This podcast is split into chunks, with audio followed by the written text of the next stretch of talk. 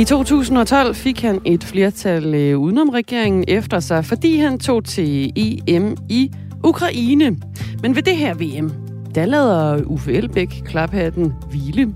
TV'et stå slukket hen. Øhm, vi taler med den forhenværende kulturminister for Radikale, stifteren af Alternativet og glødende fodboldfan Uffe Elbæk om, hvordan det kan være, at han i den her omgang lader tv'et stå slukket. Det er klokken cirka kvart i ni her i Radio 4 morgen. Lige nu er klokken 6 minutter over 8. Du er velkommen til at byde ind, som altid, på 1424. Det er Dagmar i Møstergaard og Jakob Grosen som er dine værter. Og nu skal vi vende os mod, at det er en øh, god idé at holde dankortet lidt i ro og dem forbruget, hvis vi skal komme inflationen og de stigende priser til livs. Det seneste kvartal har danskernes forbrug ellers været massivt, og det har været med til at holde priserne oppe, det skriver Avisen Danmark. I juli, august og september har købelysten hos danskerne været øh, høj, og det gælder særligt inden for rejsebranchen. Men i den her uge tikkede forbrugstallene fra oktober ind, og de tegner et tydeligt billede af, at øh, der nu er trukket lidt i forbrugsbremsen hos øh, de danske forbrugere. Louise Akkerstrøm Hansen er chefanalytiker og privatøkonom hos Danske Bank, og med os nu til at kigge nærmere på det her fænomen. Godmorgen. Godmorgen. Set med samfundsøkonomiske briller er det en øh, god ting, at man holder lidt igen med forbrugsglæden. Hvorfor tror du pludselig, vi ser den her hårde opbremsning i forbruget lige her fra oktober? Det er et godt spørgsmål. Man kan sige, hvis man mm. kigger på sådan noget som forbrugertilliden, altså hvor optimistiske folk er i forhold til, til forbruget og i forhold til deres egen økonomi og dansk økonomi, jamen så så vi allerede det begynde at falde meget, meget kraftigt i februar. Altså, så vi har altså haft en periode, hvor selvom folk synes, at nu går det egentlig værre, og den her inflation rammer min økonomi, jamen så er det først, så er det først nu, at, øh, at det for alvor begynder at gå ud over, hvor mange penge vi går ud og bruger. Øhm, og det skal man jo se i lyset af, at, at vores økonomier er presset. Øhm, der er flere og flere, som oplever, at, øh, at de har svært ved at slå, på pengene til at slå til, og hvor man måske i starten, da priserne steg, havde noget opsparing, øh, som, som man kunne tære på, jamen så bliver den jo også gradvist mindre og mindre. Og så skal man jo også tænke, at vi står over for noget, der godt kunne begynde at ligne lidt en recession. Vi har også vi har også nogle boligpriser, der begynder at falde og den slags, og, og hvis vi mm. får en vending på arbejdsmarkedet, jamen så, så er den sådan rimelig meget en realitet, og det er jo nok også det, folk begynder at blive lidt mere bekymret for. Det er jo så øh, øh for, forbrugernes øh, øh, glæde og lyst til at svinge dankortet, men hvilke konsekvenser kan det så få for, for dansk erhvervsliv? Jamen, der er jo ikke nogen tvivl om, at det er dårligt for dansk erhvervsliv. Øh, bare for at sætte det i relief, så er dansk BNP, altså sådan samlede produktion, af cirka 2.000 milliarder kroner. Forbruget er cirka 1.000 milliarder. Det betyder altså rigtig, rigtig meget for væksten herhjemme, hvor mange penge vi som forbrugere vi går ud og bruger. Øhm, så, så derfor er det også lidt en svær balancegang, man er i lige nu. Altså fordi på den ene side, ja, så, så kan lavere forbrug også være med til at dæmpe inflationen, men samtidig så skal det jo heller ikke falde så meget, at det resulterer i, at der er en hel masse virksomheder, der er nødt til at dreje nøglen om. Fordi så er der altså også rigtig mange danskere, der mister jobbet. Så det, der er lidt sådan en, vi skal have mindre damp på kedlerne, ja, men der skal ikke så meget mindre damp på kedlerne, at, øh, at økonomien får det meget, meget værre. Det er jo et tvækket svær. Altså jo mindre vi forbruger, jo lavere er efterspørgselen, og det påvirker selvfølgelig prisen. Hvad, hvad, hvad vil du øh, opfordre til? Hvis man nu overvejer, synes, at man skal ud og købe den der, skal man købe den der jakke eller ej? Skal man så gøre det? Jeg synes, man skal starte med at tage udgangspunkt i sin egen økonomi. Kig på, hvordan hænger den sammen. Er der en, en buffer? Er der noget luft i min økonomi? Også hvis jeg skulle få en ekstra stor elregning, for eksempel. Jamen, så kan det være, så kan det, så kan det være fint ansvarligt, hvis det betyder meget for dig at få den der jakke. Øh, hvad hedder det? Men, men, men sørg for måske ikke at køre helt til kanten, fordi lige nu så er der altså en risiko for, øh, og som vi har set i løbet af de sidste måneder, at Ja, lige nu er, er elregningen for eksempel øh, mindre, øh, og det er jo rigtig glædeligt. Men den kan også lige pludselig eksplodere, og, øh, og det handler altså om at have noget luft i økonomien til det. Selv en af verdens rigeste mænd, Jeff Bezos, øh, som nok er mest kendt for at stå bag den, øh, den største digitale handelsplatform Amazon, har været ude og, øh, og blande sig i det her. Han, han opfordrer forbrugerne til at holde igen med, øh, med forbruget. Og i et interview fortæller han, at han ser mørke skyer trække sig sammen forude. Han peger også på, at der kan være en øh, recession i øh, horisonten, altså en økonomisk øh, nedgang. Øhm, er danskernes økonomi generelt set lige nu rustet til at klare en recession? Det er den for mange. Man kan sige, generelt set er jeg okay optimistisk omkring danskernes økonomi, fordi man skal huske, at vi kommer fra en periode, hvor vi faktisk har været rigtig gode til ikke at leve over evne. Flertallet af os har, været, øh, har løbende sat penge til side. Vi har ikke brugt flere penge, end vi tjente. Og det gjorde vi altså op til finanskrisen for eksempel, og det var også med til at forklare, hvorfor det blev så hård. Øh, så i gennemsnit er jeg faktisk ret optimistisk omkring danskernes økonomi. Men det er langt fra alle. Der sidder altså rigtig mange, som ikke løbende har lavet en opsparing, som de nu kan tage på. Og også af gode grunde, simpelthen fordi at pengene de sidder rigtig stramt. Øh, og der er ikke nogen tvivl om, at hvis du så får nogle af de her kæmpe ekstra regninger, jamen så kan det være rigtig, rigtig svært at finde ud af, hvor pengene skal komme fra. Så ja, i gennemsnit, og det er godt, fordi at, at når det så vender igen, og inflationen er mindre et problem, jamen så kan danskerne også hurtigere komme tilbage. Men, men, men der er jo ikke nogen tvivl om, at, at gennemsnittet det hjælper jo ikke dem, som, som ikke har, øh, slet ikke har de samme muligheder. Og de bliver altså presset rigtig voldsomt af stigende priser for tiden. Når det vender igen, siger du. Hvornår gør det egentlig det? Ja, det er et godt spørgsmål. Jeg vil sige, det gode er, og, og øh, far for at blive lidt teknisk, men det gode er jo, at, at, at lige nu så har danskerne et primært problem, og det er inflationen. Hvis vi kigger tilbage på finanskrisen, så var der nogle kæmpe ubalancer i, at vi simpelthen konsekvent brugte flere penge, end vi havde, og, øh, og, og, og vi bare gik ned og lånte for at købe en hel masse ting. Det gør vi altså ikke nu, og det gør, at vi har ikke sådan en kæmpe stor gæld, vi skal betale af på øh, på den anden side af det her. Så vi kan, når inflationen kommer ned igen, når priserne stopper med at stige, så kan vi relativt hurtigt vende tilbage til noget, der minder mere om noget normalt. Og det er altså rigtig, rigtig godt. Det er godt, hvis det ikke tager syv år, som det gjorde efter finanskrisen, fordi det indebærer altså en hel masse også menneskelig tragedie, hvis det er, at det tager så lang tid. Der er jeg mere optimistisk om, at, øh, at det vender hurtigt når det gør. Øh, man kan sige, nu vil jeg ikke lægge hånden for meget på kogepladen, men altså vi forventer at Inflationen begynder at aftage her hen over vinteren. Der kan også ske mange ting, fordi vi har altså også stadig de her energipriser, som er ekstremt svære at spå om, men vi forventer, at her hen over vinteren, så begynder den så småt at aftage. Problemet er bare, at det, at inflationen aftager, er ikke det samme som, at øh, der er en hel masse priser, der falder igen. Altså, så, så der kommer til at gå nogle år, hvor vi skal øh, genopbygge vores indkomster. Altså simpelthen, hvor at vi skal have en periode, hvor vores indkomster stiger hurtigere end priserne øh, snarere end at priserne falder tilbage til det niveau, vi havde før det her inflationsspøgelse det kom. Tak skal du have, Louise Akkerstrøm Hansen. Selv tak. Dejligt oplysende. Øh, chefanalytiker og privatøkonom hos øh, Danske Bank. Vi har fået en sms. Inflation er godt for klimaet, udopstegn. Mm. Det kan man jo sådan set godt sige, i hvert fald hvis vi skal holde igen med forbruget. Ja, der er ikke noget, der er så skidt, at det ikke er godt for et eller andet. Klokken er 13 minutter over 8.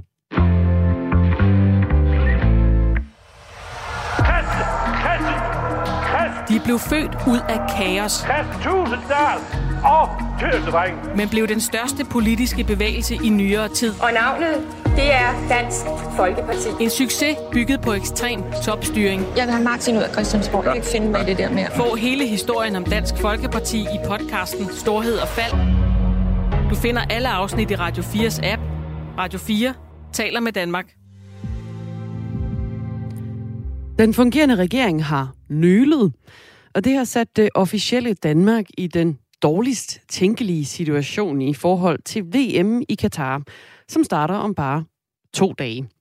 Det er budskabet i et brev, som Enhedslistens kulturordfører Søren Søndergaard sammen med Venstres fungerende kulturordfører Jan E. Jørgensen har sendt til Socialdemokratiets fungerende kulturminister Ane Halsbo Jørgensen. Enhedslistens kulturoverfører Søren Søndergaard anerkender, at den øh, fungerende regering ikke kan træffe nogle sådan øh, vilde beslutninger, som han kalder det. Og her skulle der gerne være et øh, klip med Søren Søndergaard. Vi prøver det igen. Der er simpelthen ikke øh, lyd på øh, Søren Søndergaard. Det var da... Men Folketinget jo, er jo valgt. Sådan. Øh, vi blev godkendt her forleden dag 179 medlemmer, som sidder der, der er nedsat et udenrigspolitisk nævn, så Folketinget kan træffe beslutninger. Og derfor så kan regeringen jo bare indkalde Folketingets partier til en forhandling, og så kan vi jo se, om vi kan blive enige om noget, og kan vi blive enige om noget med et bredt flertal, så kan regeringen jo bare udføre det. Øh, så er der jo ikke noget problem. Fordi der lige nu er forhandlinger om en ny regering, har Ane Halsbro Jørgensen meddelt, at det officielle Danmark ikke vil være repræsenteret ved VM i Katar, der begynder på søndag. Det gælder både politikere, og det gælder også for kongehuset og diplomater. Men I det her brev opfordrer Søren Søndergaard fra Enhedslisten og Janne Jørgensen fra Venstre, altså den øh, fungerende regering, til at indkalde Folketingets partier til et møde, så der kan findes en model for, hvordan slutrunden skal håndteres med bred politisk opbakning da vi diskuterede det før, øh, øh, altså før valget, der var vi jo bredt i Folketinget enige om, at på en eller anden måde skulle vi selvfølgelig markere modstanden mod det, der foregår i Katar, Øh, dødsfaldene for de mange migrantarbejdere, undertrykkelsen, LGBT plus rettigheder osv. På en eller anden måde skulle vi tage afstand fra det. Så havde vi en diskussion, der var et samråd i Folketinget i slutningen af, af september øh, med, med kulturministeren om, hvordan man gjorde det bedst. Nogle sagde, vi skal tage dig ned og ligesom hæve fanen og øh, lave en eller anden form for markant manifestation. Andre sagde, at vi skal lave en diplomatisk boykot, og det havde vi så en diskussion om, og ministeren sagde, at jeg kommer så tilbage om, hvad jeg, hvad jeg vil foreslå, at vi gør. Øh, og det, der så sker nu, det er, at ministeren og Danmark ikke gør nogen af tingene, men, men, men kravler ned under sofaen og ligger dernede og muligvis observerer VM i fjernsynet dernede fra. Øh, og det har jo aldrig været meningen. Det har aldrig været udgangspunktet. Det er jo også derfor, at jeg kan gå sammen med, med Venstre om øh, Janne Jørgensen om at sige, hey, det her, det, det går simpelthen ikke. Altså, det kan vi ikke være bekendt. Forestil dig, at du var en af de øh, efterladte til en af de mange tusinde migranter, migrantarbejdere, øh, øh, som så kom og spurgte øh, Danmark og den danske regering, Nå, hvad gjorde I så, da der var VM i Katar, som blev spillet oven på min mands grav? For det er jo det, der har tale om. Og så vi svarede, ja, der lå vi altså hjemme under sofaen og tog ikke rigtig gøre noget. Mm. Ifølge enhedslistens kulturoverfører Søren Søndergaard, så vil det gøre en forskel, hvis det politiske Danmark eksempelvis boykotter deltagelse ved VM i Katar. Særligt fordi vi ikke står alene. Den her diskussion har man jo en, i en lang række andre lande. Øh, og, og jeg ved ikke, om du så den video, som, eller det hedder det vel ikke, men, men, men, men, men det klip, som øh, blev lagt på YouTube, som, som det australske fodboldlandshold havde mm. lavet, blandt andet med FCK's målmand, ikke? Mm. det var jo en fuldstændig klar melding om, at det, der foregår i Katar, er fuldstændig uacceptabelt. Et politisk boykot vil have flere funktioner, fortæller Søren Søndergaard. Altså, det, det, det, er jo, det er jo både en solidaritetserklæring til, til migrantarbejderne. Øh, det er også et signal til Katar, men jeg tror, de er uden for pædagogisk rækkevidde styret Katar, så det er sådan set det, jeg har mindst tillid til. Men så er det selvfølgelig også til FIFA. Det her skal ikke gentage sig. Altså, hvad bliver det næste land, som kan få lov til at spille fodbold i 40 graders varme øh, om vinteren? Er, bliver det Dubai, eller bliver det Saudi-Arabien, eller hvem bliver det?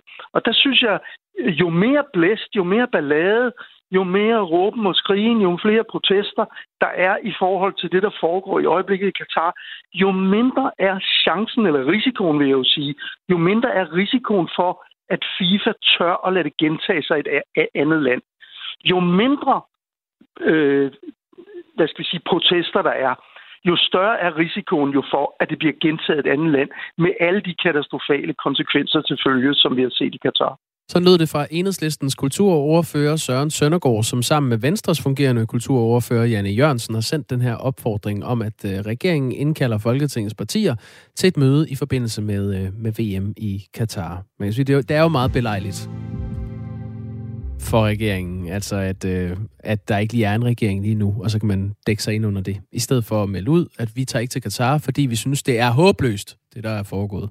Der er en, der skriver på sms'en, at det er noget venstrefløjssludder. Det kan man jo sige, det ikke er, fordi det er sammen med Venstre, de har sendt det her brev. Ja, og Venstre er til højre for, øh, for midten. Lige præcis. Nå, jeg har en øh, løs triggerfinger i dag, så der kom lige en øh, skiller midt i det hele. Det skal du ikke øh, tænke på. Gider du ikke skyde den af igen, så kan vi gå til et nyt indslag. Det første sæt EM-medaljer i 18 år. Den bedrift den kan sikres af de danske håndboldkvinder senere i dag klokken kvart i 6, når landsholdet møder Montenegro i EM-semifinalen. Og dermed så kan der altså øh, sættes punktum for en lang EM-medalje tørke. Godmorgen, Karen Brødskov. Godmorgen. Du var anfører dengang det danske kvindelandshold senest vandt et sæt EM-medaljer. Det var i 2004, og dengang blev det til sølv. Nu sidder øh, du så og øh, ser landsholdet i år. Og øh, måske tænker tilbage på det hold, du øh, selv var en del af i, øh, i nullerne. Hvordan minder de to hold om hinanden, hvis de overhovedet gør det? Ja, altså nu vil jeg sige, at øh, sådan 2004 og så til nu, 2021, så er det altså sådan, øh, jeg kan smile lidt, sådan lidt en tidsalder fra, synes jeg egentlig, siden at, øh, at, vi, at vi har spillet siden sidst, så om holdene minder om hinanden, og spillet minder om hinanden, så, så tror jeg, vi skal sætte virkelig mange gear op, i hvert fald, for at, øh, at man kan kigge på det. Altså spillerne nu er, Altså, det er jo meget skarpere, meget hurtigere, meget mere teknisk dygtige, øh, fysisk stærkere, så, øh, og så er der jo også sket noget på, på regelsiden, hvis man tænker sådan, man må flere ting. Mm. Øh, så, så, så det er lidt svært at sammenligne, øh, synes jeg egentlig. Men selvfølgelig så er banen det samme. Det går ud på at score mål i begge ender og så, øh, og så skal de møde et hold fra Balkan, som, øh, som stadigvæk har den samme stil, som de havde dengang med den aggressive og publikum i ryggen og øh, den der store begejstring, som man virkelig kommer til at møde. Så man skal virkelig være klar i dag. Du, du siger, at de, øh, altså dem, vi, vi kigger på i dag, som, som det danske kvindelandshold i håndbold, de er faktisk bedre end det, I var tilbage i 2004, da I vandt sølv. Er det ikke, øh, det, er det ikke lidt svært at sidde og sige? Nej, det er det ikke. Og, og man kan, altså nu, øh, nu har jeg også arbejdet med nogle af pigerne mm. her i, i tre år, og, og det er jo, altså, de løfter meget mere, end hvad vi overhovedet gjorde. Øh, rent konditionelt, altså skal de være meget bedre form nu også, end, end hvad vi egentlig var. Vores løbeøkonomi var slet ikke så stor, som, som den egentlig er i dag. Øh, og, så, og så er der et helt andet altså spil, altså deres tempo øh, i det. Så, øh, så, så jeg vil sige, at at lige at sammenligne, det er, det er svært. Der ligger man på et meget højere niveau i år, altså, hvad, eller nu. Hvad, hvad er det, der er sket med, med håndbold, siden det er gået i den retning?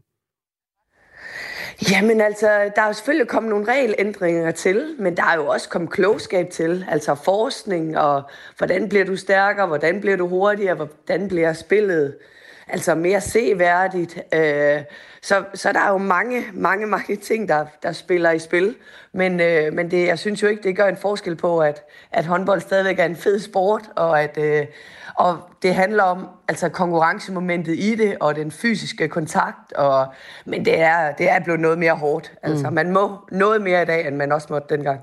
Og sidst på eftermiddagen i dag, der står i Montenegro så i vejen for Danmark, for at vi kan komme i øh, semifinalen. Bookmakerne, de spår de danske kvinder til at være pæne favoritter i det her øh, opgør.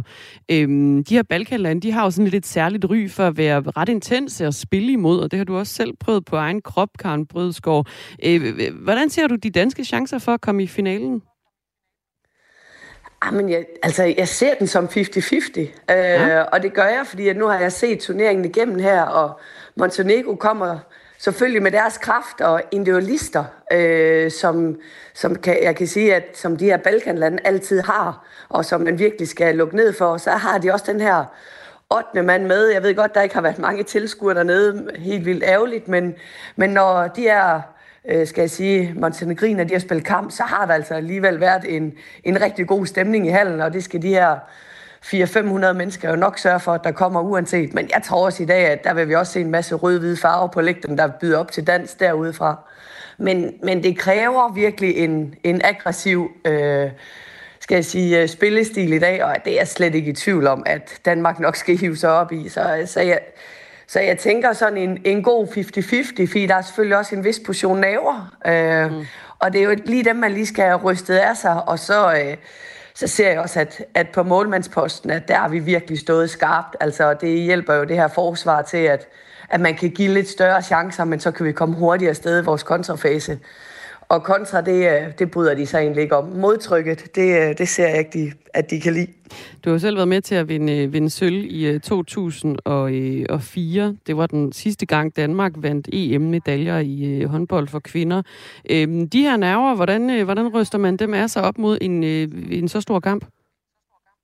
Jamen, det, det er sjovt, at man, man er jo i sådan en boble under sådan en turnering, og pigerne er sammen, og man går sammen hele dagen, og man går og snakker taktiske detaljer, og fif, og hvad skal vi her, og hvad kan vi gøre her, og, og så når man egentlig begynder at varme op, så, øh, så fortsætter man med at være i den her boble, øh, og det, det er her, at at man kan sige, at tændingen egentlig også virkelig bliver lagt, og man kigger på hinanden, og man får det rigtige spændingsniveau, kalder vi det egentlig.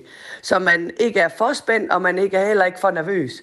Men det vil også være underligt, hvis man ikke kan mærke bare lidt i maven. Altså, den her kamp betyder noget for dem, øh, og den betyder noget for Danmark og os, der ser på det. Altså, vi er stolte af den. Så selvfølgelig, så, øh, så, så skal der jo være en rummel i maven, men man skal, man skal prøve at kon- kunne kontrollere det, og det gør man egentlig sammen i sådan en, en gruppe her. Så når startfløjten lyder, jamen så... Øh, så, så står man egentlig bare klar til at, til at gøre det, som man har gjort utrolig mange gange på træningsbanen. Mm, og der er jo altså øh, medaljer på spil.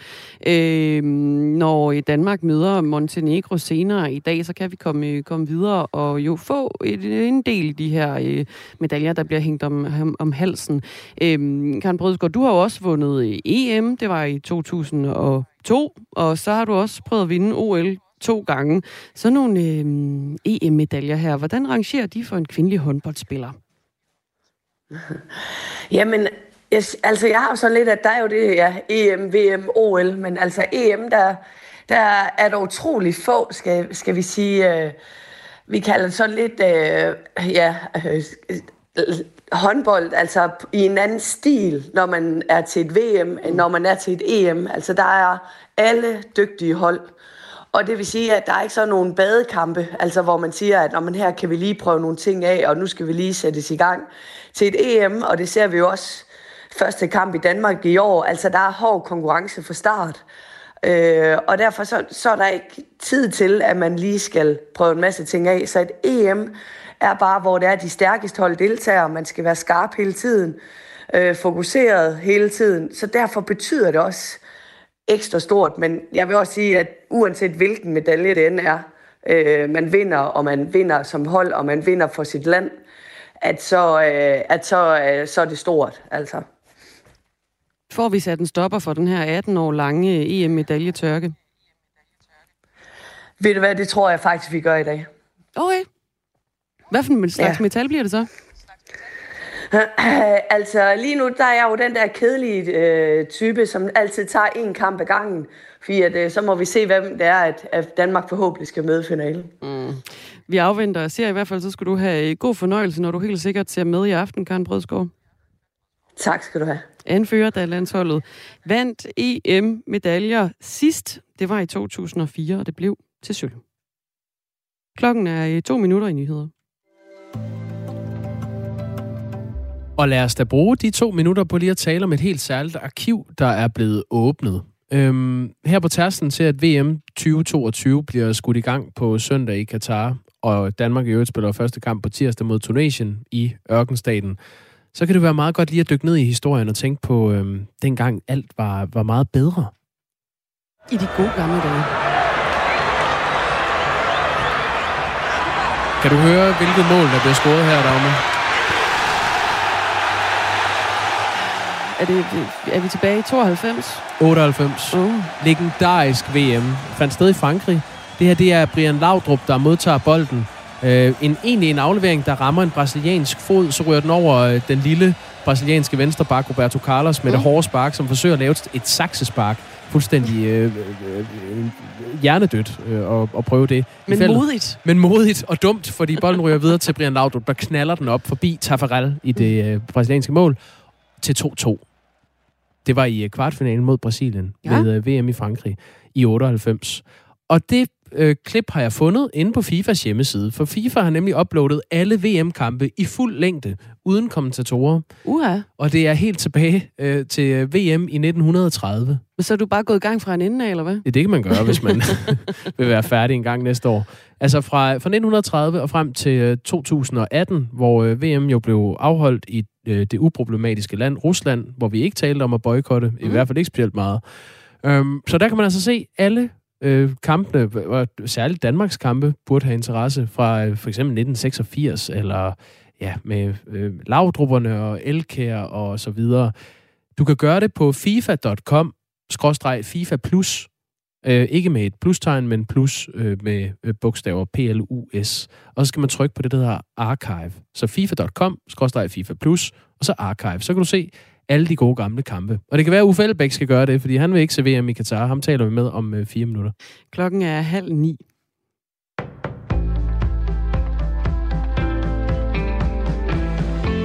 EU ser nu ud til at give sig på et centralt punkt i forhandlingerne på årets klimatopmøde COP27, der efter planen slutter i dag. Den store hovedpine ved forhandlingerne har været spørgsmålet om regningen for de tab og skader, der følger med de klimakatastrofer, som allerede sker. Klimakatastroferne rammer særligt fattige lande, der kun i mindre grad har bidraget til at udlede store mængder af drivhusgasser. Og derfor så vil de have de rigere lande til at betale erstatning til dem. Det har der dog ikke været en helt stor villighed til, indtil en melding fra EU sent i aftes. Her foreslår klimachef Frans Timmermans en særlig fond, et forsøg på at få forhandlingerne til at rykke sig. Fonden skal dække de mest udsatte lande og finansieres af en bred donorbase, altså ikke kun af de rigeste lande, men også af lande som Kina. Skal Venstre gå med i en bred regering med Socialdemokratiet eller ej? Det bliver det helt store spørgsmål, når Venstres delegerede mødes til landsmøde her i weekenden. Politisk redaktør på Radio 4, Thomas Larsen, siger, at det er afgørende for Venstres formand Jakob Ellemann Jensen, at han får baglandets opbakning til sin beslutning. Det er det, fordi det er en af de sværeste beslutninger, han nogensinde har stået over for, for ikke at sige, det er den sværeste. Og selvom det lyder lidt som en kliché, når jeg siger det, så er det jo et øh, valg mellem pest og kolera, han skal tage her. Det er nemlig et svært dilemma, som Jakob Ellemann Jensen står med. På den ene side, så har han muligheden for at få en øh, masse indflydelse, hvis han går ind i en regering, og han kan måske også placere Venstre mere centralt på den måde, i hvert fald når det handler om at påvirke udviklingen i næste år her i Kongeriget. På den anden side er det også klart, at hvis han går i øh, kompagniskab med Mette Frederiksen, så vil han komme på afstand af resten af Blå Blok, og han vil formentlig også komme ud i en ret stor konfrontation med flere af de øh, borgerlige partier, der vil mene, at han svigter det borgerlige Danmark. Venstres bagland mødes til landsmøde i Herning. Nu skal Folketingets medlemmer igen stemme om, hvorvidt de vil ophæve Morten Messersmiths parlamentariske immunitet. Folketingets nye formand Søren Gade siger til DR, at der nu er lavet en betænkning, så Folketinget kan stemme om Dansk Folkepartis formands immunitet i næste uge. Og så er der så møde i Folketingssalen på tirsdag, og der må man så imødese, at øh, Morten Messersmiths immunitet bliver ophævet. Sagen drejer sig om, at Morten Messersmith igen skal i retten i Meldt og Felt-sagen. Sagen handler om svindel og dokumentfalsk i den europæiske politiske alliance Meldt og den tilhørende fond Felt. Dansk Folkepartis folketingsmedlem Peter Kofod forventer, at Folketinget vil ophæve formandens immunitet. Vi har en klar interesse i, at denne her sag kommer på plads så hurtigt som muligt. Det er fuldstændig uholdbart, at det har taget syv år at nå hertil, siger han til DR. Mere end 10 millioner ukrainere mangler lige nu strøm, det siger den ukrainske præsident Volodymyr Zelensky i sin daglige videotale, ifølge BBC. I øjeblikket er mere end 10 millioner ukrainere uden elektricitet. De fleste af dem er i Venetia-regionen, Odessa-regionen, Sumi-regionen og Kiev, siger Zelensky. Han siger, at Ukraine gør alt for at få leveringen af strøm op og køre igen. Og meldingen kommer efter ukrainsk infrastruktur igen har været under angreb. Et gasværk og en missilfabrik er blandt de seneste mål for russiske angreb. Det oplyser embedsmænd ifølge BBC. I dag får vi kun lidt sol, men til gengæld også kun enkelte byer. På Bornholm der kan byerne efterhånden blive vinterlige. Temperatur op mellem 3 og 7 grader, og vinden aftager og bliver jævn til hård. Det er jo her på Radio 4 med Anne Svifeldt.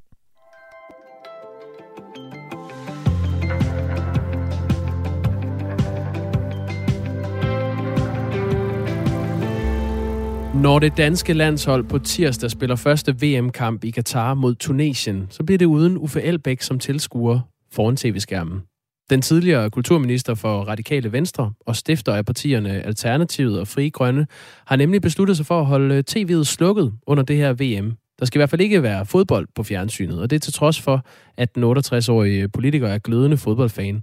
Vi er der med nu, Uffe Elbæk. Godmorgen. Godmorgen, du. Du er meget glad for fodbold. Hvorfor har du besluttet dig for at slukke tv'et ja. alligevel? Jamen, det har jeg. Altså, jeg tror, at de fleste af os selvfølgelig har overvejet, hvad pokker vi gør i forhold til VM i Katar. Det har jo været en diskussion, der har bølget frem og tilbage, også på Christiansborg igennem de sidste par år. Og jeg ved simpelthen for meget om, hvad der foregår dernede, og hvad det er for et PR-show, som øh, VM i Katar er for Katar. Øh, så derfor har jeg så valgt en meget sådan, kan man sige, personlig måde at reagere på det. Men jeg håber selvfølgelig, at der er rigtig, rigtig mange, der vil gøre det. Fordi hvis vi er rigtig, rigtig mange, der lader være med at se VM øh, på tv, så vil det jo betyde, at sponsorerne synes, det er rigtig, rigtig træls at være sponsor for øh, VM. Og hvorfor synes jeg, det er vigtigt? Jamen det synes jeg, fordi at øh, vi skal gøre alt for at tage kraften ud af det PR-show, som, som sagt øh, VM i Katar er for Katar. Og en af måderne, det er selvfølgelig, at øh, sponsorerne øh, ikke aktiverer eller trækker sponsorater tilbage, det bliver en dårlig historie. Det betyder, at øh, hvis øh, vi lader være med at tage dig ned som fans og ser det, altså ikke sidder på tilskuerrækkerne, øh, Øh, at man øh, simpelthen prøver at tømme stadion for, for publikum, og at I medier, hvis I tager dig ned, dækker det kritisk, så man simpelthen på alle de måder, man overhovedet kan, kan tage øh, kraften ud af arrangementet. Og min helt lille personlige aktion, det er så at sige, ved du hvad, jeg ser det simpelthen ikke. Øh, og jeg håber selvfølgelig, at der er rigtig, rigtig mange andre, der gør det på samme måde. Men det er et personligt valg, og mm. jeg skal ikke gøre mig til morals dommer, om, om der, hvis folk har lyst til at se det. Jeg har ikke lyst til det. Du har faktisk øh, gjort dig lidt til morals dommer på Twitter, Uffe Elbæk. Øh, du, du, du har skrevet, lad os gøre VM i Katar til det mest ucool VM ever, for sportens skyld, for spillernes skyld, for menneskerettighedernes skyld. Start for eksempel med at slukke ja. for dit tv. Det vil være cool. Der opfordrer du andre til at slukke for tv'et også. Det gør jeg, øh, og i samme øh, tweet, der siger jeg selvfølgelig, at øh, folk må jo selv øh, gøre op med sig, altså de må, hver, hver en må jo gøre op med, hvordan de forholder sig til det her øh, VM i Katar. Men øh, min opfordring, det er simpelthen, at øh, vi gør det mega ucool at, at, at se det. Øh, og øh, igen, som du også lagde op til i starten, ikke, så er det jo et dilemma, ikke? fordi at man vil jo gerne støtte sit øh, landshold. Jamen, kan du godt, kan du godt adskille de to ting, altså det sportslige, og så det, at, øh, at det er et skamligt øh, VM, der foregår øh, med, ja, det er jo kommet i stand via korruption og øh, på øh, en masse menneskers grav. Nej, det kan jeg jo ikke. Det er derfor, jeg, det kan jeg jo ikke. Man, altså, man kan jo ikke adskille sport og, og, og politik. Øh, det, det er jo i den grad rodet sammen, ikke? Øh, og, og i det her tilfælde med, med Katar, så snakker vi om øh, øh, et diktaturstat, øh, som øh, ikke bare undertrykker sin befolkning, øh, kvinderne, der er dødsstraf for homoseksuelle, men de stadierne, som folk skal løbe ind og spille kampene på, jo er bygget af, af, af slaver, øh, og hvor tusindvis af dem er døde i forbindelse med, med byggeriet. Så, så det er en meget, meget speciel situation, og mm. dybest set, det er i hvert fald min egen optik, ikke? så beskytter jeg sporten ved at gøre det, jeg gør. Jeg, jeg beskytter sjælen i fodbold ved at gøre det, jeg gør. Fordi at den måde, øh, arrangementet er kommet i stand på, det gør, at man man ødelægger sporten, i hvert fald i mine øjne. Vi skal lige høre fra sportsøkonom Jesper Jørgensen fra Deloitte. Vi havde ham med tidligere på morgenen. Han siger, at det ikke har den store effekt, at øh, vi slukker for tv'et under VM. Han siger sådan her. Ja, i denne omgang i hvert fald, øh, fordi øh, kan man sige, at øh, de har deres på det tørre. Øh, de har tv-aftaler og sponsoraftaler på plads. Så pengene de vælter ned i, øh, i FIFAs kasse, uanset øh, om du og jeg og øh, alle mulige andre fans øh, øh tuner ind på, øh, undskyld, ind på TV2 eller Danmarks Radio for at se kampe under, øh, fra VM. Uffe Elbæk, hvis det ikke har nogen effekt, hvorfor så øh, gøre det? Jo, det interessante er jo, hvad han siger. Det har ikke nogen effekt lige her nu. Men, men hvis man starter en bølge, hvor man siger, at det, det vil vi som publikum, det vil vi som fans, det vil vi simpelthen ikke øh, finde, finde os i. Altså det kan vi simpelthen ikke acceptere, at, øh, at øh, de store internationale turneringer, de finder under, bliver afviklet under de her omstændigheder, jamen så på sigt, så, så vil det få konsekvenser. Øh, og, og det ser vi jo på en masse andre områder, hvor, hvor kunder, kan man sige, stemmer hen ved kassen, ikke? Altså, hvor man siger, det, det, her, det her produkt ønsker man simpelthen ikke at købe, fordi man kan, ikke, øh, altså, øh kan simpelthen ikke stå inden for det. Og hvis rigtig, rigtig mange begynder at reagere på den her måde, jamen så får det konsekvenser. Øh, der er ikke nogen sponsorer, der har lyst til at lægge penge i et arrangement, som øh, som sagt er, er ukul, ikke? For, for at bruge min egen formulering. Så, så, så på sigt kan det her få rigtig, rigtig store konsekvenser. Og hvis man bare lige laver en lille kobling over til, hvorfor er det, vi overhovedet har fået så massiv en diskussion omkring VM i Katar, som vi har den her gang heldigvis, det er jo på grund af, at fansene begyndte at sige fra. Det er jo første gang, at vi ser, at fansorganisationerne så massivt siger, at det her det er fuldstændig uacceptabelt at øh, vi skal øh, afvikle under de her rammer. Men tror du ikke, det vil have en større effekt? Noget, altså hvis det ikke kan aflæses øh, på, øh, på dit øh, tv-kiggeri, om du ser med eller ej, altså det, det, øh, det er FIFA nok i virkeligheden ret ligeglad med. Vil det så ikke være bedre at, øh, at begynde at boykotte FIFAs partnere for eksempel? Altså lad være med at købe Adidas-tøj og drikke Coca-Cola og købe øh, McDonald's jo, jo, jo, og bruge jo, jo, jo. Jo, jo, selvfølgelig. Selvfølgelig. Gør du også altså, det, så? Hvis du også rammer øh, sponsorerne, øh, så, selvfølgelig. Altså, men jeg, det, jeg gør her, det er, at jeg siger, at der er en lang række ting, man kan gøre. Øh, som øh, medier kan du øh, dække det her rigtig, rigtig kritisk. Som publikum kan du lade være med at tage dig ned. Som øh, tv-serie kan du slukke for apparatet. Som sponsor kan du lade være med at øh, aktivere dit sponsorat. Som politiker kan du lave en diplomatisk boykot, og det er heldigvis så er det jo meget belejligt, at uh, regeringen nu har besluttet, at de ikke kan sætte ned, fordi der, det, uh, der ikke er kommet en ny regering. Mm. Men, men der er masser af ting, vi kan gøre, og alt det her skal vi gøre parallelt med hinanden, samtidig med hinanden, uh, og så skal vi lave massiv pres på, at, øh, at FIFA simpelthen ikke laver de beslutninger, som, øh, og på den måde, som de har truffet, øh, truffet den her beslutning omkring Katar, det er jo bundrådent, øh, det der er foregået. Men vil det sige, Uffe Elbæk, du også har boykottet de partnere, FIFA har, som for eksempel McDonald's og Adidas og Coca-Cola og Visa? Jeg kan i hvert fald sige, jeg kan i hvert fald sige, at jeg, jeg har ikke uh, spist McDonald's burgers. Jeg tror, jeg kan ikke huske for mange år. Nej, det tænkte jeg nok. Jeg tænkte faktisk, om jeg skulle overhovedet skulle nævne det for dig. Jeg tror, jeg nok, det, det er nemt at boykotte noget, man ikke spiser. Hvad med, hvad med Adidas tøj? Ja, ja. Heller ikke Adidas. Heller ikke Adidas. Men det er ikke et bevidst valg. Men uh, tak, fordi du oplyser mig om det. Ikke? Altså, der, der er jo, uh, altså hvis man går, først går ind og kigger på det, så har det selvfølgelig nogle konsekvenser. Og igen, altså, som jeg skrev på min tweet, vi må hver især finde ud af, hvordan vi, vi forholder os til det her. Mm. Og når jeg, når jeg siger, at jeg slukker for apparatet, så er det fordi, det er ikke en nydelse for mig at sidde og se fodbold, der bliver spillet på stadionerne, der er bygget på, på de præmisser, som de her de har bygget. Vi må især, hver især prøve at finde ud af, hvordan øh, navigerer vi det her, for det er et dilemma. Da VM i fodbold sidste gang blev afholdt, øh, var det i Rusland i 2018. Og Rusland er jo heller ikke kendt som et land, der kæmper for at overholde menneskerettighederne. Dengang opfordrede du kulturminister Mette Bock fra Liberal Alliance og statsminister Lars Løkke Rasmussen til at rejse afsted for at se Danmarks øh, fodboldherrer spille VM i fodbold. Fordi, øh, som du sagde til Ekstrabladet dengang, nu citerer jeg dig lige, øh, Uffe Elbæk, Helt principielt har jeg det sådan, at når landsholdet er afsted til en slutrunde på det niveau, så er det oplagt, at ministeren også er der. Ellers skulle man tage en beslutning om at boykotte VM helt og ikke sende spillerne afsted. Men det vil være synd. Hvordan var det anderledes dengang? Det, Ja, men, men grunden til, at, altså, hvis du både nævner, hiver den her frem omkring Rusland i 2018, ikke? Mm. Øh, og for den sags skyld øh, EM i 2012, øh, hvor jeg selv var i Ukraine. Ja. Det, der var afgørende for mig, både ved, den, ved EM og så ved VM i øh, Rusland, det var, at der er en, rent faktisk en opposition, man som politiker kan komme over og støtte. Det var der i hvert fald dengang i Rusland i 18, ikke? Altså det, det har været mit kardinalpunkt, det er, hvis man som politiker tager afsted, så skal man selvfølgelig udtrykke sin kritik, når man er der, og der skal være nogen, som man går ind, kan gå ind og bakke op om og støtte op om og kaste lys på.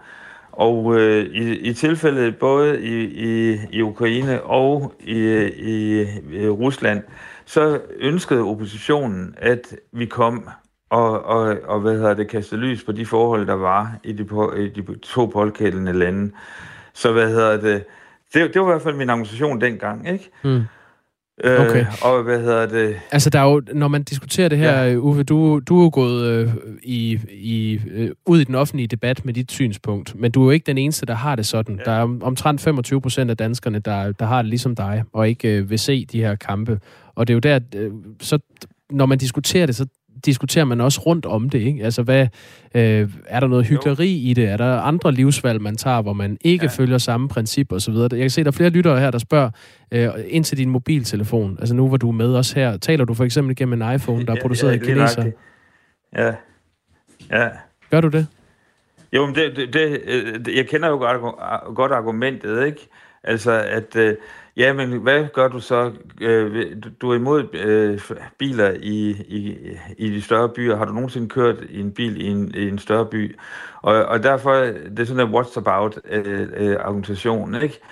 Øh, og jeg, jeg synes, at det er da et dilemma, øh, at øh, man køber produkter, eksempelvis fra Kina, ikke? når man samtidig som jeg er, er stor Kina-modstander. Har du en iPhone? Øh, og, og det, jeg har en iPhone. Jeg har en iPhone, ja. Hvorfor, øh, hvorfor og, har du og, det? Hvad hedder det? Så støtter du ja, men, men, men grunden til det, grund, jamen, altså, grunden til det, altså så kan du kalde mig hyggelig herfra så til, til himlen, men grunden til, helt lavpraktisk, at jeg har en iPhone, det er fordi, jeg også har en øh, Apple-computer, og de kommunikerer med hinanden. Det gør og, det jo ikke og, bedre, og det Uffe Elbæk. Så skal du, så skal du tage nogle, øh, nogle andre valg, hvis du vil føre det helt igennem. Ellers så er det jo bare sådan lidt selektivt, hvor ja, du... Ja, jamen det siger jeg også. Jeg siger jeg også, at, hvad hedder det, jeg vil ikke på nogen måde sige, at øh, det her, det er mit valg. Jeg, jeg, kan, jeg kan gøre så meget, jeg kan. Kan jeg gøre mere? Det kan jeg givetvis også. Jeg kan også holde op med at trække vejret. Vi lever i en verden, hvor der er fyldt med dilemmaer. Og, og den her situation omkring, øh, hvad hedder det, om jeg nu kommunikerer med dig over en iPhone, om det gør mit, hvad hedder det, argument for at lade være med at se VM i fodbold mindre legitimt, det må folk, hvad hedder det, selvfølgelig øh, selv vurdere. Jeg synes, at øh, det jeg gør, øh, det er det rigtige for mig. Og at vi desværre lever i en fuldstændig uretfærdig verden, hvor vi må prøve at, at, at navigere så klogt, vi nu engang kan med de valg, vi træffer. Øh, Så jeg står fuldstændig inden for det, det, det, det jeg står her og siger, Lige- øh, og, og lige- at jeg også står og snakker i en iPhone. Her til sidst, uh, Uffe Elbæk, uh, altså de fleste kender dig som, uh, som politiker, uh, både i Radikale Venstre og Ja. Alternativet og Fri Grønne, men du er altså også fodboldelsker. Ja. Øhm, når du så ser Ja. ja. klubfodbold, følger du så Manchester City og uh, Paris Saint-Germain, som jo er ejet af Qatar for eksempel? Ser du dem i fjernsynet? Nej, ved du, ved du hvem jeg følger? Jeg følger AGF. Nå, det gør jeg også. Det gør det lidt nemmere. Det, eller det gør det faktisk Ja. ikke. De klarer sig dårligt på andre områder. Okay, jamen uh, ved du hvad, Uffe Elbæk, uh, tak fordi du var med. Lige, så fint. Ja, hej. Ja, hej hej. Øhm, ja, jamen det er jo en, øh, en diskussion, som vi ikke øh, bliver færdige med at tage, tror jeg. Nej. Jeg tror også, den kører ind i næste uge, før Danmarks øh, første kamp mod Tunesien. Det er altså på tirsdag. Garanteret, så absolut. Og om ikke andet, så øh, fortsætter den altså øh, klokken øh, 9.05 i Ring til Radio 4, hvor øh, der bliver spurgt, er du klar til at slukke tv'et og boykotte VM i Katar? Jeg kan se, at Claus Elgaard, han er i gang med at øh, gøre klar inde i studiet her ved øh, siden af, og du kan altså byde ind, er du klar til at slukke tv'et og boykotte VM i Katar. Nummeret er 1424. Venstre holder landsmøde i Herning her i weekenden, og der er utvivlsomt et spørgsmål, som vil overskygge alle andre. Skal partiet gå med i en bred regering med Mette Frederiksen som statsminister? Jakob Ellemann Jensen har jo ellers øh, talt med store ord imod Mette Frederiksen som statsminister, både op til valgkampen og under valgkampen. Altså, jeg, jeg kan sige øh, igen, gentage her, at jeg kommer ikke til at gøre Mette Frederiksen til statsminister. Og han har også øh, tidligere sagt til TV2, at han slet ikke har tillid til Mette Frederiksen efter Mink-sagen. Jeg stoler ikke på Danmarks statsminister. Det gør jeg ikke. Men nu får Venstres bagland altså mulighed for at komme med deres holdning til et øh, regeringssamarbejde med Socialdemokraterne. Og det er ikke alle, der sådan jubler ved tanken om et politisk ægteskab mellem Venstre og Socialdemokratiet. Tobias Birk Johansen er borgmester på Læsø, og han skal med til landsmødet i morgen. Han har i tillid til Jakob Ellemann Jensen og foretrækker egentlig et bredt samarbejde, men han håber, at det bliver med Venstres politik for øje. Med andre ord, så tror jeg, det vigtigste, øh, vores øh, formand han skal fokusere på, det er at, øh, at sørge for at, øh, at gøre det, som er bedst for partiet. Altså, vi står en lille smule svækket lige nu, det er vi nok nødt til at erkende. Øh, og set i lys af det, så er det bare vigtigt, at, at, at vi ikke, øh, om jeg så må sige, brænder ned i et regeringssamarbejde, ligesom vi tidligere har set med, med SF og, og Liberal Alliance. Ja, og der er der jo en øh, vis risiko for, øh, hvis I vælger at øh, lave et, øh, et politisk ægteskab med Mette Frederiksen og Socialdemokratiet. Jeg vil lige høre dig, du sagde, at, at, øh, at så bred en regering som muligt er det bedste. Hvor, hvorfor egentlig det? det er helt klart det bedste for Danmark lige nu, at vi arbejder så meget sammen som overhovedet muligt. Det er helt overbevist om, og det er egentlig enig med, med de partier i, som øh, sidder inde i, de, inde, i de, inde i de lukkede rum nu. Men når det så er sagt, så er det også bare vigtigt, at det ikke bliver på bekostning af et, øh, et tidligere arbejde, eller et kommende arbejde for Danmark i, i Venstre. Altså, vi må endelig ikke komme svækket ud på den anden side af et potentielt regeringssamarbejde. Så er det bedre, at vi lader være med det. Men jeg har fuld tillid til, at, øh, at vores formand, Jakob Ellemann, han, øh, han har alting i, øh, i fokus, og at øh, alting bliver bliver vendt og, og drejet. Tobias Birk Johansen, du er altså venstreborgmester på Læsø, skal til øh, landsmøde i Herning i morgen for, for partiet. Øh, Michael fra Silkeborg skriver en sms øh, ind, mens vi taler med dig her. Han skriver, så I sætter Venstre først og Danmark som nummer to?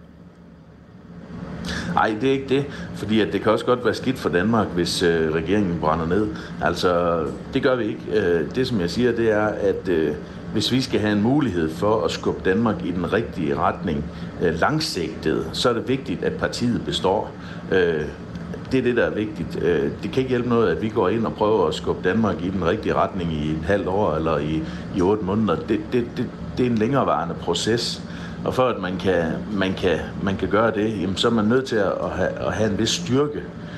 Derfor så siger jeg, at, at vi er nok på et niveau nu i Venstre, hvor at vi, vi ikke skal, skal tabe mere styrke, tænker jeg, for at kan have indflydelse på Danmarks fremtid, øh, sådan på den langsigtede bane, og det må være det, øh, der er vigtigt. Altså Men skabe fundamentet du... for at kan skabe, øh, sparke Danmark i den rigtige retning. Det, du... det skal jo være på plads først. Kan du se øh, sådan et, et regeringssamarbejde mellem Socialdemokratiet og Venstre bestå også i fremtiden? Altså at det er noget, man øh, fremover kan regne med som vælger, at Jamen, det er sådan, I vil konsolidere det, der er der mulighed for, at i, i særlige situationer, som, som, som, som den øh, landet er i nu, eller Europa er i nu, jamen, jamen der kunne det være rigtig godt at have de her kon, kon, konstellationer.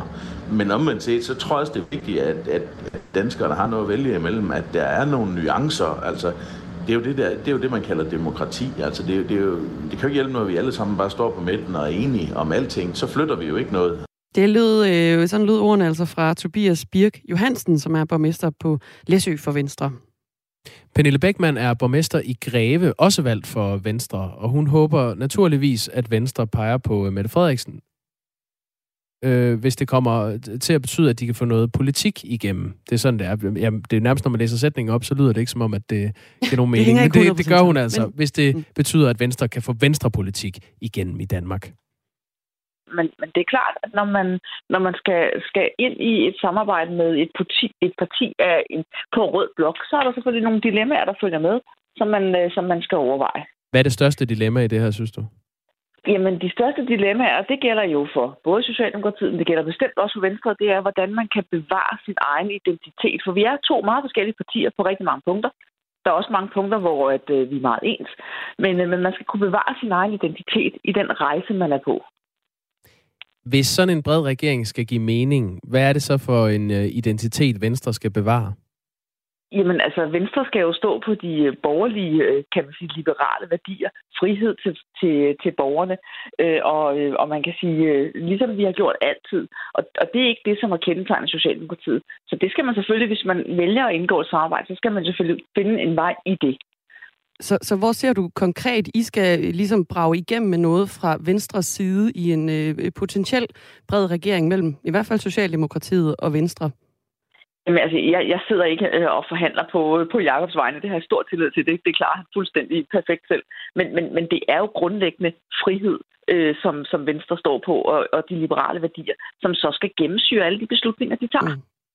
Hvis I nu øh, får øh, det med, hvad, hvad, hvad end det er. Øh, kan du så være glad for at gøre Mette Frederiksen til statsminister med men, Venstres øh, mandater?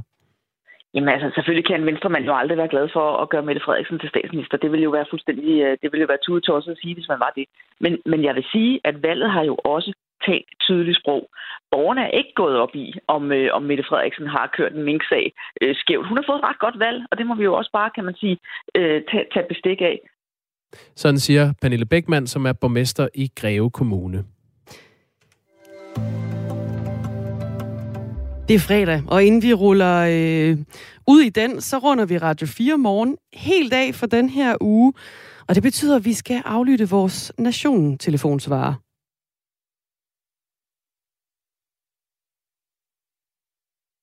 Vi forsøger i hvert fald at aflytte den. Jeg tror, vi har øh, Der er tekniske øh, mus i maskineriet. med vores... Vil du prøve at se, om du kan trykke på telefonsvaren? Prøv lige igen. Du har ringet til Nationen-telefonen. Læg venligst din holdning efter bippet. Ja, det er Palle fra Kalmborg. vi vinder, vi ved, vi kan, vi er hyggelige i psykopatistan. Vi kæmper til sidste mand. Big boys in red and white.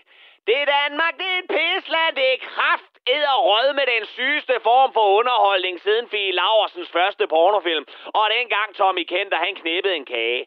Kære Danmark, din mælkehvide og kamperende fedtdunk. Nu må du fandme til at bestemme dig. Er mørke middelaldermænd, der arrangerer ægteskaber for deres døtre, udøver social kontrol, hader homoseksuelle, sætter Koranen højere end BMW og joggingbukser, økonomisk støtter terrororganisationer, og i ramme alvor mener, at kvinder er sidestillet med en pestespenser med slør og puls. Noget vi støtter op om i Danmark, eller trækker flæskesværte og håndbejerne hjemme i bivasofaen lidt for meget. Er vi kun hårde i kæften over forredselsregimer og islamister, når Inger, Mette, Pernille og Morten blæser i hundefløjten, og vi kommer rendende som små køt og skødehunde og bjeffer barnebrud, tørklædeforbrud, social kontrol, farlige typer i vaskekælderen og middelalderkultur? Er det kun efter for godt befindende, at vi har et problem med de her ting, når det sker lige foran snuden på os nede i Netto, når vi køber pulverbanæs og Red Bull og har en hæslig femårig flyverdragt, der hænger os om benene, og vi trænger til at lade frustrationerne gå ud over nogen? Nå, men gæt en gang, dit fede læs roligan. Det sker fra på søndag lige foran snorten på dig. Lige midt i den bedste sendetid, og dine landsdækkende tv-kanaler sender glædeligt ned fra verdens varmeste kattebak på hovederne af torturerede homo og undertrykte kvinder og døde slaver, imens du så løs knapper bajer op og bliver enig med dine fodboldelskede venner om, at Hey, vi kan jo hverken gøre fra eller til. Det vigtigste er, at vi er der og siger far over for Katar. Ah, forkert. Du kan slukke for kampene, eller slå over på TV2 Fri og se Cecilie Hoder bygge en bænk i pileflet. Jamen Palle, se på alle de dokumentarer, der er for, for tiden. Se alle debatterne. Vi gør da en masse for at gøre opmærksom på problemet i Katar. Ja, for Emiren, han skal nok ryste i den homovide mandekjole, når Clemen Kærsgaard afbryder gæster og meninger i et halvanden time, når de debatterer problematikken i, at vi deltager i et korrupt slagtehus. Der er fandme ikke grænser for sympatien for for eksempel de iranske kvinder og deres kamp, men vi tager jo ikke derned og hæpper, vel? Er det fordi, det ikke bliver ledsaget af en flok overbetalte voksne mænd, der sparker til en lederbold i 2 gange 45 minutter? For det burde fandme være dit dobbeltmoralske og rød hvidmalede klaphattehoved, der burde sparkes til i alle 2 gange 45 minutter, plus optakt. Jamen Palle, hvad skal vores dejlige fodbolddreng dog gøre? Julemand og alle knejtene har jo trænet i månedsvis for at bringe VM-trofæet hjem til Danmark.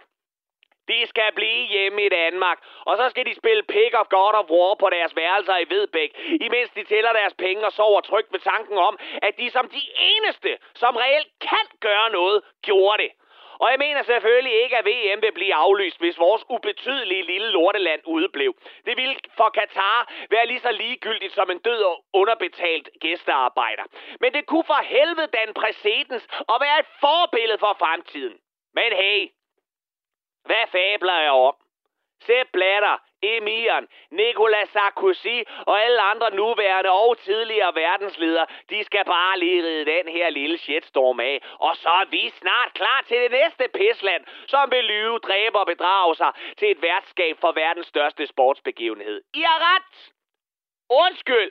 Lad os da bare se lortet på storskærm og hæb på drengene. Vi kan jo ikke redde verden. Det er alle de store mænd og kvinder, der kan det. Vi er jo bare navlefnuller, som mest af alt gerne vil spise vores chicken nuggets i fred og se den smukke sport og spille vores overførselsindkomster op på Unibet. Og så ellers komme tidlig i seng, så vi kan være friske til at kæmpe de kampe, der virkelig betyder noget.